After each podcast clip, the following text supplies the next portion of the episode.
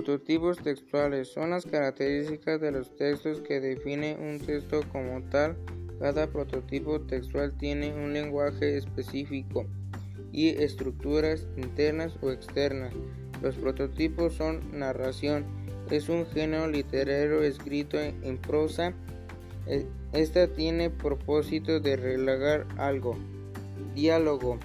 El diálogo es una modalidad de discurso oral o escrito en la que se comunican entre sí dos o más personas de un intercambio de ideas por cualquier medio. El texto descriptivo es aquel que define un tema y consiste en representar con palabras el aspecto o participar en una persona, animal, objeto, paisaje, lugar, cosas, situaciones, etc.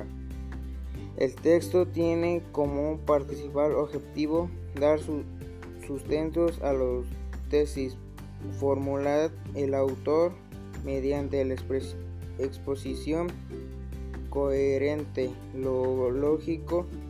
El texto expositivo es una clase de modalidad textual que representa un intercambio objetivo de los hechos, las ideas o los conceptos.